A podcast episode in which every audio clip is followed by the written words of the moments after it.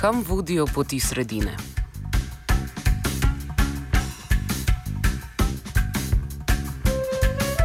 Prebrodili smo še ene državno-zborske volitve, sedme po vrsti v 20-letni moderni zgodovini države, ki tako rada menja svoje oblastnike. Za novega vodjo je po mnenju slovenskega ljudstva očitno najbolj primerna sveža politična igralka na sceni - stranka Mira Cerarja.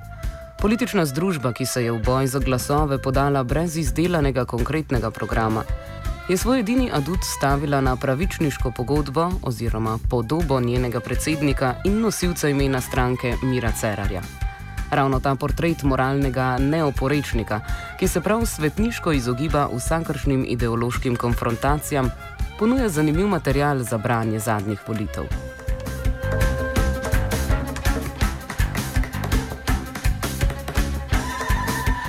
Če si vzamemo trenutek in poprimemo v roke, kakšen kos tiskovine, ki jih je ta poštenjaška stranka plasirala v javnost za časa predvolilne kampanje, lahko že po nekaj prebranih stavkih izvemo, kako definirajo svoje politične cilje.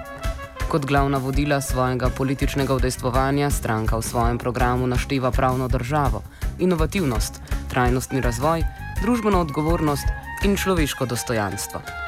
Na površen pogled strašno lepi in pošteni pojmi, pod katere bi se lahko podpisal vsak povprečen volivec. Vendar so ideali, ki jih stranka tako veselo izpostavlja, tako zelo splošni, da so, podobno kot stranka sama, povsem vsebinsko prazni. Vendar pa izgleda, da s tako plehko retoriko na način smo za več pravne države in več politične kulture, uspeva stranki, da dosega zavidljive rezultate. Izid takšnega leporečenja je namreč politični diskurs, ki svoje privržence rekrutira v nekem navideznem, neideološkem in nekonfliktnem prostoru, saj računa ravno na tiste ničte ideologije, ki so znotraj družbe povsem splošne, a brez svojega označevalnega gospodarja ostajajo vsebinsko izpraznjene.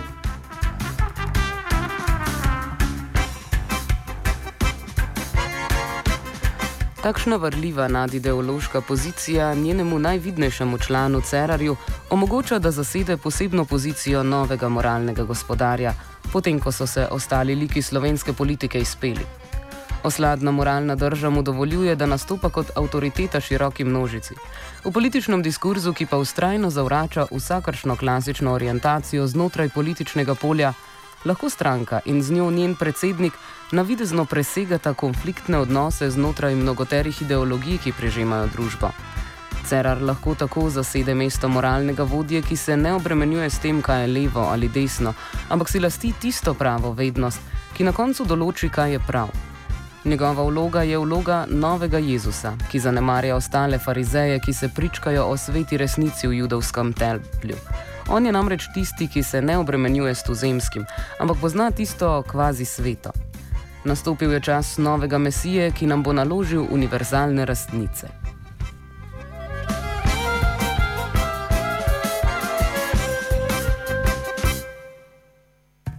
Pridigar Cerar je lahko svojo pravniško držo nastopil kot nekdo, ki se mu politika upira.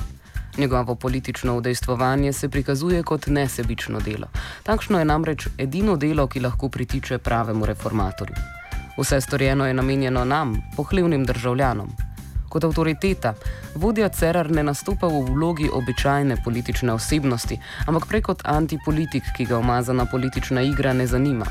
Tu je, da reformira, da Sloveniji spet pokaže pravo pot, da kaznuje lene in nagradi pridne in sodi tistim, ki jim je potrebno soditi in na koncu dneva bomo lahko le imeli prvo pravno državo.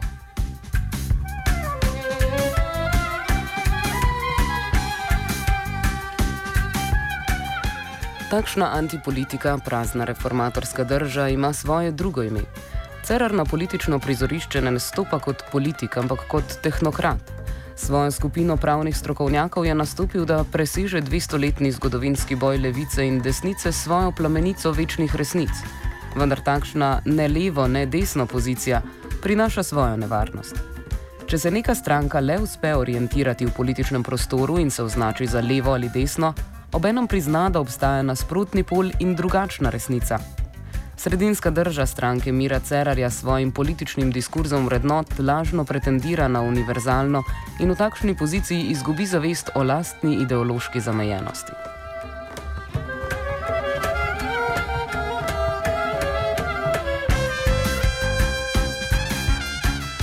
Sredinski politični diskurs, ki je v moderni politiki vse bolj prisoten, zase ustrajno zahteva vase.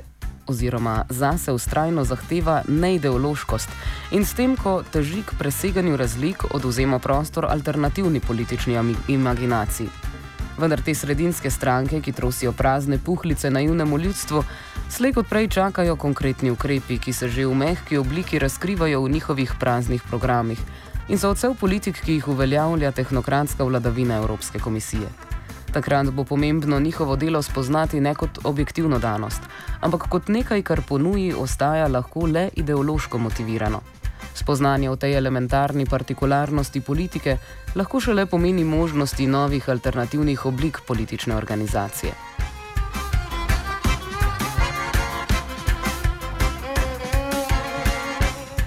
Komentiral je Jušt.